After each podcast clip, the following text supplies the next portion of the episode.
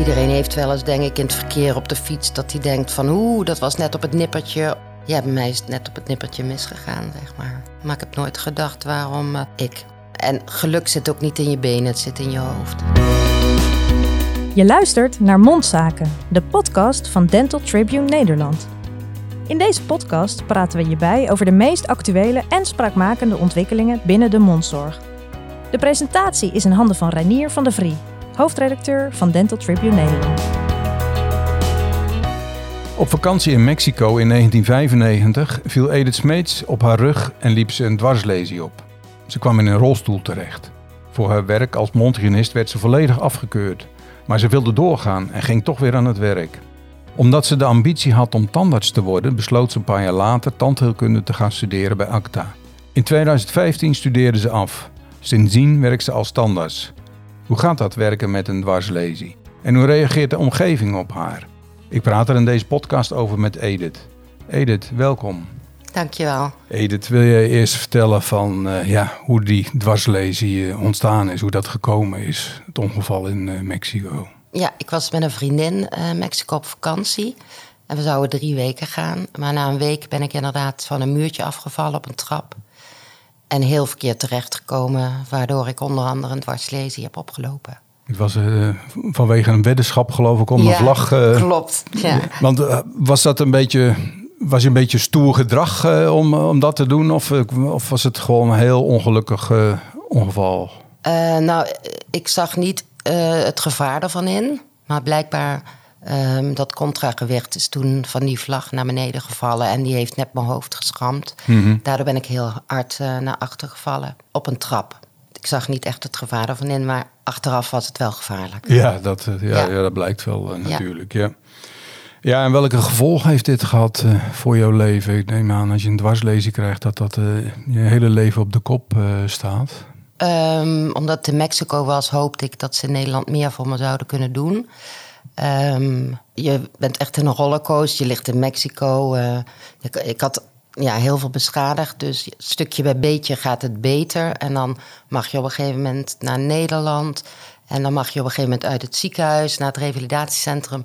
Dus je bent eigenlijk meer daarmee bezig dan heel erg uh, met ik kan niet meer lopen. En het is wel een knop die in één keer omgaat en dat accepteert. Ja, ik ben in ieder geval een type dat, die dat dan accepteert. Ja, ja. ja. Maar je wist wel gelijk dat dat, ja. dat, dat aan de hand was. Dat je Ze niet zeiden, meer kon als je niet binnen 24 of 48 uur, weet ik niet meer, um, gevoel of beweging krijgt, dan is de kans heel klein dat het um, geneest, zeg maar. En je, je was, meen ik, helemaal afgekeurd hè, om uh, te werken. Je werkte als mondhygiënist? Ja, 80 tot 100 procent afgekeurd inderdaad. Ja, maar je ging toch weer door. Je wilde gewoon blijven werken. Ja. Uh, ja. Waarom? Want je zou kunnen zeggen van nou, ik, ik ga iets anders doen of... Uh, of... Nou, ik, ik was in de veronderstelling dat ik als mondhygiëniste gewoon kon werken met mijn handicap. Mm -hmm. En ik vind het ook een heel leuk vak, nog steeds.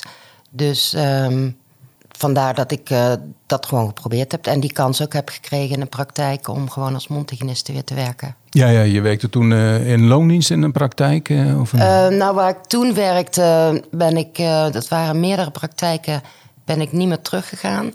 Want ik was er ook heel lang uit, revalideren in het ziekenhuis. Toen ben ik, ja, stond ik in een krantje in Hilversum. En toen zei een klein meisje die bij mij om de hoek woont... Uh, mama, dat is de mama van Donna. Dat was mijn herdershond. En zij was standaard. En toen heeft ze mij benaderd. Omdat ik toen ook volgens mij stond in de krant dat ik werk zocht of dat wilde. Yeah, als mondhygiëniste. En toen ben ik daar gaan werken. Oké. Okay. En ja. dat ging ook uh, goed? Um, ja, ik heb een hoge dwarslesie. Dus dat wil zeggen dat ik geen rompstabiliteit heb. Dus ik had wel een steun waar ik op leunde, zeg maar. Een uh, soort plank onder de hoofdsteun. En dan kon ik dan mijn armen opleunen. Yeah. Het ging wel goed, maar dat had ik wel echt nodig om te kunnen werken. En je hebt daar wel wat aan, aan moeten wennen en wat aanpassingen moeten doen? Of kon je verder rest alle werkzaamheden doen die je moest doen? Um, ja, je hebt natuurlijk een, uh, een tandsteenapparaat wat je uh, kan bedienen. Ik weet eigenlijk niet meer hoe we dat hebben gedaan, maar er zijn wel wat aanpassingen gekomen. Ja, ja, ja. En daar was het niet toegankelijk, dus toen hebben ze een trapliftje geregeld. Maar in principe ging het werk prima. En uh, nou ja, na een paar jaar besloot je zelfs om uh, tandheelkunde te gaan studeren. Ja. Van, wat was die drive? Of, uh... Nou, toen ik mondhygiëne deed, toen had ik al zoiets van... Het lijkt me ook wel heel leuk om tandheelkunde te gaan doen. Maar toen was ik nog jong en ik dacht van nou, nu kan ik wat geld verdienen als mondhygiëniste, leuke dingen kopen. Dus dat um, ja, heb ik toen niks mee gedaan. En toen kreeg ik mijn ongeluk. Toen ben ik inderdaad weer gaan werken als mondhygiëniste. Toen dacht ik wel toch meer. Toen heb ik kindertandverzorging gedaan. Dat was toen in Nijmegen. Een opleiding kort uh, waarbij je bij kinderen uh, simpele vullingen mocht doen. Mm um, en toen dacht ik, nee, ik wil toch meer. En toen heb ik besloten tandheelkunde te gaan doen. Ja.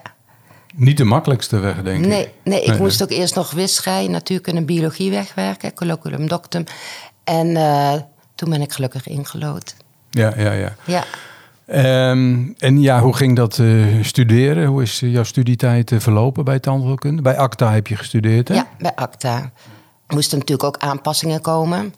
En ja, dat duurde even. Het ging vaak via via. Dus um, dat leverde voor mij wel stress op. Want ik wilde geen vertraging oplopen. Uh, uiteindelijk is dat wel allemaal goed gekomen.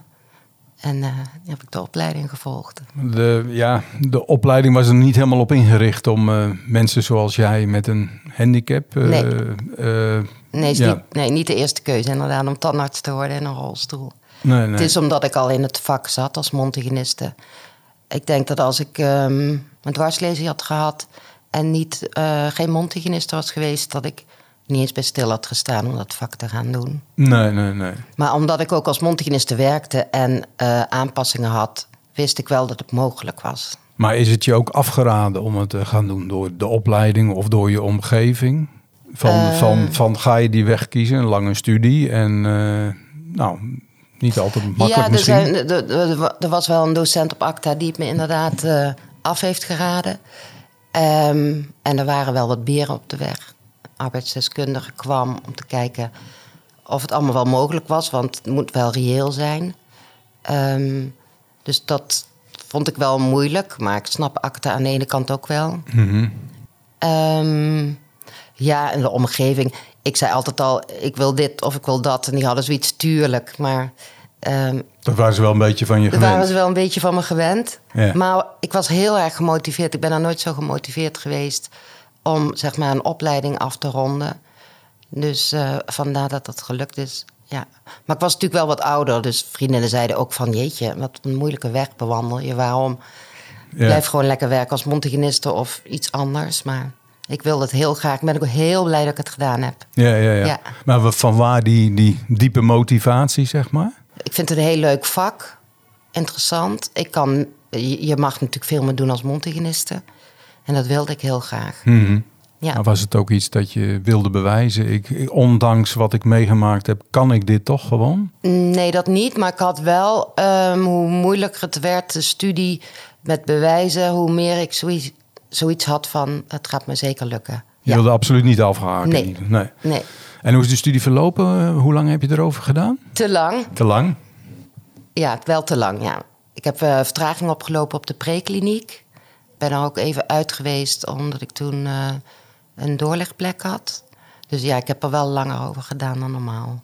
En in 2015 ben je afgestudeerd dan? ja, eh, klopt, mei. Ja. En toen ben je gaan werken als standaards? Ja, toen ben ik gevraagd bij het uh, SPT in Rotterdam.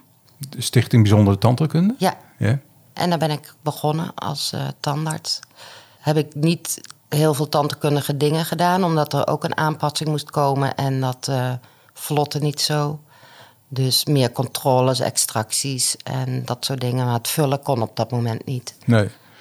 En hoe lang heb je daar gewerkt? Eh, Of kun je iets verder vertellen over je carrière? Zeg maar, hoe lang heb je daar gewerkt en waar ben je toen eh, heen gegaan? Uh, ongeveer een jaar. Uh, het was ook daar de bedoeling dat je, je ging differentiëren. Ja, differentiëren noem je het dan niet. Maar opleiding tandarts gehandicaptenzorg ging doen.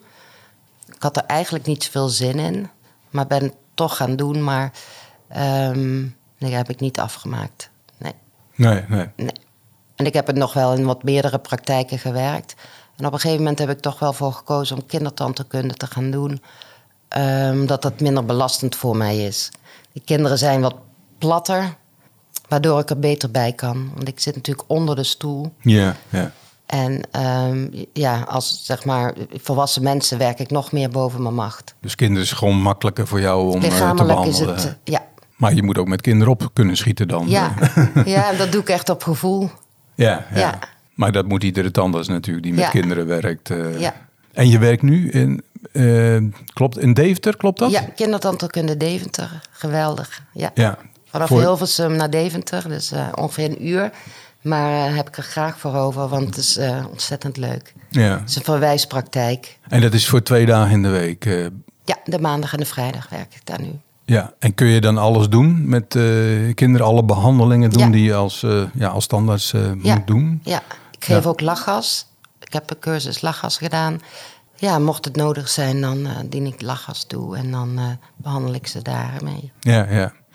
Met een dwarslesie kun je natuurlijk niet eh, je voeten gebruiken bij eh, behandelen en niet aan de behandelstoel. Mhm. Hoe, hoe is dat opgelost? Ehm, om de boor te bedienen moet je dus inderdaad, moet, eh, geeft de tandarts gas via voetpedaal. Ja, die kan ik inderdaad niet bedienen. Dus ik heb een soort hulsje, daar zitten magneten in. En een opening en daarin kan ik een spiegel schuiven. Eh, als die ook magnetisch is, maar dat zijn de meeste. En aan dat hulsje zit een knopje en een draad, een snoer, die gaat naar de unit toe. En als ik, dan, die heb ik dan in mijn linkerhand. En als ik op dat knopje druk, dan kan ik de micromotoren gebruiken of het tandsteenapparaat. Dus dan heb ik links de spiegel met dat omhulseltje en rechts de boor. En dat werkt goed. Ja, het is wel eh, ja, steeds meer ontwikkeld. In het begin had ik een heel groot lomp ding met een draaiknopje, wat natuurlijk niet hygiënisch is. Ehm en moet- deed ik dan wel een sleeve over. En ehm, ja, ik kwam steeds beperkingen tegen van die aanpassing. Ehm, en toen heb ik dat steeds meer laten verfijnen. Dat het, en nu is het echt heel goed functioneel. Is daar een bedrijf bij betrokken geweest eh, die dat, eh, zeg maar, de techniek, eh, technische kant voor zijn rekening heeft genomen? In het begin een instrumentenmaker. Ik weet niet meer hoe ik daar aan kwam. Toen was er ook een eh, meneer op Acta die me daarmee hielp. Eh, uiteindelijk heeft de Hoogstraat in Utrecht het overgenomen. Hoogstraat is een revalidatiecentrum, hè? Ja, Ja. ten behoeve van mijn werk. Ik zei van, nou, hier kom ik... eh, ja, dit werkt niet goed, dit werkt niet goed. En dan werd het aangepast. En hoe het nu is, het werkt het eigenlijk perfect. Ja, ja. Oh, Ja. En daar zijn technische mensen die dan voor een oplossing gaan zoeken voor hele specifieke. kunnen ze echt alles. Ja, ja, ja. Ja. Oh, dat is heel mooi. Ja. Hoe reageren collega's eh, op je? Hè? Iemand met een dwarslezing komt dan als collega. Ja, kijk misschien toch een beetje vreemd tegenaan. Of van, hoe moeten we daarmee omgaan? Of hoe kan dat? Ik Of, merk er eh, helemaal niks van. nee, nee. Nee. En ehm, ze vragen eigenlijk ook helemaal niet hoe komt het dat je in een rolstoel zit. En patiëntjes helemaal niet. Ik had een klein jongetje en die had ik al twee jaar behandeld. En toen haalde ik hem uit de wachtkamer. Toen zei hij, hey, zit je in een rolstoel? Ja, ja. Ja, heel bijzonder. Dus eh, soms vragen kindjes wel van, eh, wat heb je? Maar nee, 9 van de 10 keer vragen mensen niks. En vind je dat prettig of vind je dat juist vervelend? Nee, vind Of- ik wel prettig eigenlijk. Je wilt niet de hele tijd eh, praten over wat jou gebeurd is. Nee. Nee. Nee, dus soms zeg ik, als een kindje vraagt, dan zeg ik, ja, ik ben gewoon heel lui, ik zit graag. En dat accepteren ze. Ja. ja, ja. ja. ja, ja. Hey, en, en in je, in je verdere ehm, eh, loopbaan, of als je, als je gaat solliciteren, je wil geloof ik nog meer werken dan die twee dagen in de week, hè? Ja. Ja. Hoe, hoe gaat dat eh, solliciteren? Lukt dat? Of eh, is het dan toch de handicap, die dwarslezen in belemmering, om ergens binnen te komen? Ja, dat weet ik natuurlijk niet. Zullen ze denk ik niet zeggen. Nee. Wat ik doe is, ehm, nou, als ik solliciteer, dan vragen ze vaak naar een cv. Maar ik zeg dan altijd wel, ik wil graag wel even van tevoren telefonisch contact. Ehm, zodat ze weten dat ik in een rolstoel zit. Ik vind het niet fijn om eh, mensen daarmee te overvallen. En mocht er een, een soort van schrikreactie zijn, is dat ook niet prettig voor mij. Nee, natuurlijk niet. En sommige praktijken zijn niet toegankelijk met een trap of zijn te klein. Dat moet je ook eerst eh, checken dan eigenlijk. Ja. Ja, dus dan, eh, dan leg ik dat wel uit. Ook eh, over de aanpassing vraag ze vaak hoe geef je dan, dan eh, gas, zeg maar. Mhm. Hoe bedien je de hoekstukken?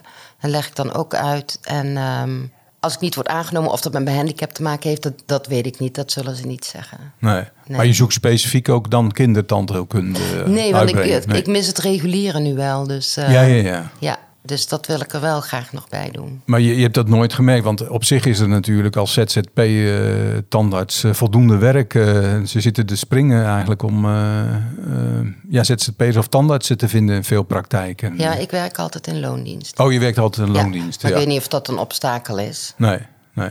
Wat, ehm, wat moeten collega's of patiënten niet tegen je zeggen in, in verband met het vastlezen? Of eh, waar kun je niet tegen? Of, of zijn er geen eh, allergieën wat dat betreft voor? Moet ik even denken. Ja, er was pas in de, in de wachtruimte moeder met een kindje. En die zegt dan heel hard: hé, hey, een tandarts in een rolstoel. En Dat, ja, dat vind ik niet echt leuk om te horen. Dat raak je dan. eh, ja, ja. Kun je ook zeggen waarom? ja, dan geneer ik me denk ik toch. Ja. ongemakkelijk gevoel. Voorheen vond ik het ook eh, heel vervelend om de patiënt uit de wachtkamer te halen. Maar dat heb ik nu niet meer. Nee, maar ja, dat doe je altijd wel zelf. eh. Ja, de assistenten soms of ik. Maar ja, ja, maar dat is meer eh, wat er praktisch het beste uitkomt dan. Ja. ja. En als je vaste patiënten hebt, dan zijn die er ook wel aan gewend natuurlijk. Ja, klopt. Eh, ja. Ik krijg meer waardering hoor van patiënten die zeggen wat goed dat je dat werk doet. Of, Dat ja. laat ze wel blijken. Ja. En, eh, Ja. ja. ja. maar dat is de andere kant. Wat vind je prettig om, om te horen? Dat vind ik heel leuk om te horen. ja. Moet je nou over bepaalde karaktereigenschappen beschikken om, nou ja, toch met zo'n ernstig ongeval en eh, een behoorlijke beperking, om dan toch zo door te gaan, eerst als mondhygiënist en dan, dan later een opleiding volgen en dan als standaard aan de slag te gaan? Ja, dat is me wel vaker gevraagd. Ehm, ik zou er niet moeten denken om thuis te zitten en niet te werken. Zou Nee. ik echt doodongelukkig zijn. Want het is, werken is ja, voor veel mensen natuurlijk ook een belangrijk deel Ja. van hun bestaan. eh. Ja. En ben je iemand anders geworden? Heb je een andere mindset door, door het ongeluk? Eh, is dat die karakter veranderd of andere dingen aangesproken? Ehm, Ik denk dat uiterlijk minder belangrijk is. Vroeger dan, eh, maar ja, toen was ik ook een puber. Ja, dan, dan, dan vond ik het al spannend om langs het terrasje te, te lopen, want dan keken mensen. Mhm. Ehm, ja, in het begin met mijn rolstoel vond ik het heel moeilijk om naar buiten te gaan. Ja. Maar ik moest wel boodschappen doen en dat soort dingen. En Dat is nu wel over. Ja, dan heb ik wel zoiets van, eh, ja, maakt eigenlijk allemaal niet uit. Nee. Je moet gewoon, en dat parkeer ik dan. Is het ook makkelijker geworden in de loop der tijd? Ik bedoel, eh, zijn mensen meer gewend aan eh, ja, dat eh, iemand in een rolstoel ook gewoon aan het sociale leven deelneemt? Of merk je daar niet zo'n verschil Nee, met 10 nee. of 20 jaar geleden? Nee, dan merk ik geen verschil. Nee. Nee. Voor veel mensen is het dan toch nog weer even vreemd. als ze iemand in een rolstoel zien. Of valt dat mee? Merk je dat niet zo? Nee, dat merk ik niet. Nee, het is ook niet zo dat ehm, dat soort verhalen hoor je vaak dat ze. Als je bijvoorbeeld met een vriendin in het dorp bent, dat iemand iets vraagt aan die vriendin over jou. Maar dat heb ik nooit gemerkt. Dat mensen eh, mij mijden of zo. Nee, over je heen praten dan eigenlijk. eh. Nee. Waar loop je zelf wel eens eh, tegenaan? Tegen welke emoties loop je zelf wel eens op? Ja, wat ik wel, dat heb, dat heb ik nog steeds. Als ik bijvoorbeeld naar het strand ga en ehm, ik wil op zo'n bedje liggen, dan moet ik wel geholpen worden. En dat vind ik nog steeds heel moeilijk. Ja, want dan moet je door vreemden geholpen worden. Of, ja, eh, of door vriendinnen, of, door moeten ze iemand vragen. En dan eh, kijken mensen. En dat, dat krijg ik er niet uit. Dat heb ik nog steeds. Net zoals bijvoorbeeld toen jullie me bij de auto ophaalden. Dan wil ik zelf in de rolstoel. En dan vind ik dat heel vervelend als mensen staan te wachten en kijken hoe ik dat doe. Ja, ja, ja. Ja, Nee, daarom zei ik, ik kom er wel aan. Ja, dat Ja. snapte ik. eh, Ja. ja. Ja, ja, Stom dat die gêne dan toch blijft. Ja, maar het, het is ook allemaal niet zo makkelijk, eh, denk ik. Om, eh, nou, je, dit is eh, toch ook best een hele tour, denk ik, om uit een auto te komen en in een rolstoel. Er zijn nogal wat handelingen voor nodig, Ja. neem ik aan. Ja, ja. Houdt de gedachte jou nou nog vaak bezig, waarom moest mij dat nou overkomen? heb ik nooit gehad. Nee. Vind ik wel bijzonder eigenlijk. Ik heb eerder zoiets waarom ik niet. Het is gewoon ongeluk in een klein hoekje. Iedereen heeft wel eens, denk ik, in het verkeer op de fiets... dat hij denkt van, oeh, dat was net op het nippertje. Of, eh, ja, bij mij is het net op het nippertje misgegaan, zeg maar. Ja, ja, ja. Maar ik heb nooit ge- gedacht waarom eh, ik... En geluk zit ook niet in je benen, het zit in je hoofd. En je hebt er eigenlijk heel snel, of misschien gelijk al eh, bijna de knop omgezet eh, Ja. dan van dit is mijn nieuwe leven en Ja. zo moet ik gewoon verder. Ja, eh. ja, in Nederland hoopte ik dan dat inderdaad eh artsen iets konden doen. Maar dat was ook vrij du- snel duidelijk dat dat niet zo was. Ik had een doorlegplek. Uh, door fout van het ziekenhuis in Mexico moest ik negen maanden voor liggen. Dus dat gaat elke maand een stapje vooruit. Dan na negen maanden mag je zitten. Dus je hebt elke keer een positief iets in de toekomst. Uiteindelijk uit het revalidatiecentrum naar je nieuwe woning. Dat is weer positief. Dus op die manier. Ja, maar op het eind heb je daar. Of, of op een gegeven moment bereik je het maximum van wat je kunt. Uh, neem ik aan. Of, uh, of ontwikkelt zich dat nog steeds? Um, nee, dat klopt wel wat, je, wat u zegt. En daar moet je ook altijd doelen in je leven hebben. Ja, en die hoeven niet in het fysieke dan uh, te zijn. Die kunnen ook uh, ja. andere dingen zijn. Ja. Welke doelen heb je nog verder in het leven? Ja, nog uh, wat dagen erbij werken. Um, uiteindelijk zou ik wel een eigen huis willen kopen. Maar dat is nu natuurlijk niet te doen. En dat is het eigenlijk. Gewoon leuk, lekker werken. Ja. Wat moeten nou uh, tandartsen, mondhygiënisten, ja, die zoiets overkomt, wat, wat zou je die aanraden uh, om te doen? Die ook met een beperking te maken krijgen? Ik zou adviseren, als je iets heel graag wil, dan moet je het gewoon doen. En wat wil je? Zou maar het moet wel reëel zijn. Maar ik vind, ik vind het reëel dat ik met een dwarslesie tandarts uh, ben. Sommige dingen zijn wat moeilijker en zwaarder. Maar ja, nu behandel ik kinderen. En dat gaat een stuk. Uh, ja, dat is minder belastend voor mij. Ja. Dus op die manier gaat het wel. Ja. Ja. Toch is het wel heel bijzonder, uh, denk ik. ik. Ik heb er nooit eerder van Nee. gehoord, de tandarts met een dwarslesie. Ja, zijn, er, zijn er meer overigens Nee. eh, dat je het zou we- weten? Nee. Nou ja, er moest natuurlijk aanpassing komen. Ehm, dus ik ben toen ik ging studeren wel gaan zoeken naar. Misschien is het wiel al uitgevonden over een aanpassing. Toen ben ik terechtgekomen. één vrouwelijke tandarts. Ergens aan, aan de andere kant van de wereld. Maar verder. Er is wel een tandarts. ehm, die ook in een rolstoel zit, maar die kan zijn benen nog bewegen in Nederland. Dus die kan gewoon gas daarmee geven. Maar ja, nee, ik, ik weet niet. eh, ik ken geen andere tandarts. En zelf vind ik het ook niet bijzonder, want ik wil het gewoon heel graag. Ja, ja. En wat zou je tegen praktijken of collega's willen zeggen eh, die eh, iemand met een beperking in de, in de praktijk krijgen als collega of om te werken? Hoe, hoe vind je dat daar ze het beste mee om kunnen gaan? Het gaat of je je vak goed kan uitoefenen. Ja, Daar gaat het om. En niet of iemand in een rolstoel zit of niet. Maar het moet wel goed voelen, anders moet je er denk ik niet aan beginnen. en er gewoon over praten als je, Ja. als je denkt van kan dit of kan dit niet? Of, eh, Zeker, ja. En, en niet eh, maar blijven zwijgen van en terwijl allerlei gedachten eh, je misschien hebt daarover. Nee, nee, ik zou het er zeker over praten. Want ehm, ja, als ze dan als ze problemen voorzien, kun je dat alleen maar door erover te praten, zeg maar, tot een oplossing komen als het mogelijk is. Wat geeft jou vooral steun eh, in het leven? Of, eh, hoe, hoe, je hebt een positieve instelling. Waar, waar komt dat vandaan? Of eh, zit dat gewoon in jezelf? Ja, dat zit gewoon in mezelf. En krijg je uit je omgeving veel steun verder? Maar ik heb niet echt veel steun nodig. Niet veel steun nodig, oké. Net zoveel als u misschien. Ja, dat weet ik ook niet. eh, Nee. ja, ja. Nou, ik denk dat ieder mens wel eh, steun eh, af en toe kan gebruiken Ja, in moeilijke precies, maar niet, Dat, eh, niet omdat ik in een rolstoel zit Nee. dat ik. ehm, nee. Ik wil je hartelijk danken voor dit eh, gesprek. Eh, ik weet niet of je zelf nog dingen wil aanvullen of nog weer iets wil zeggen. Eh, Nee, eigenlijk niet. Oké, hartelijk dank dan. Graag gedaan. Dit was Mondzaken, de podcast van Dental Tribune Nederland. Wil je geen enkele aflevering missen? Abonneer je dan via je favoriete podcast-app. Heb je tips, leuke suggesties of vragen over deze podcast? Stuur dan een mailtje naar redactie@dental-tribune.nl. Voor ontvangst van onze krant of online nieuwsbrief kun je je aanmelden op onze website www.dental-tribune.nl. Graag tot de volgende podcast.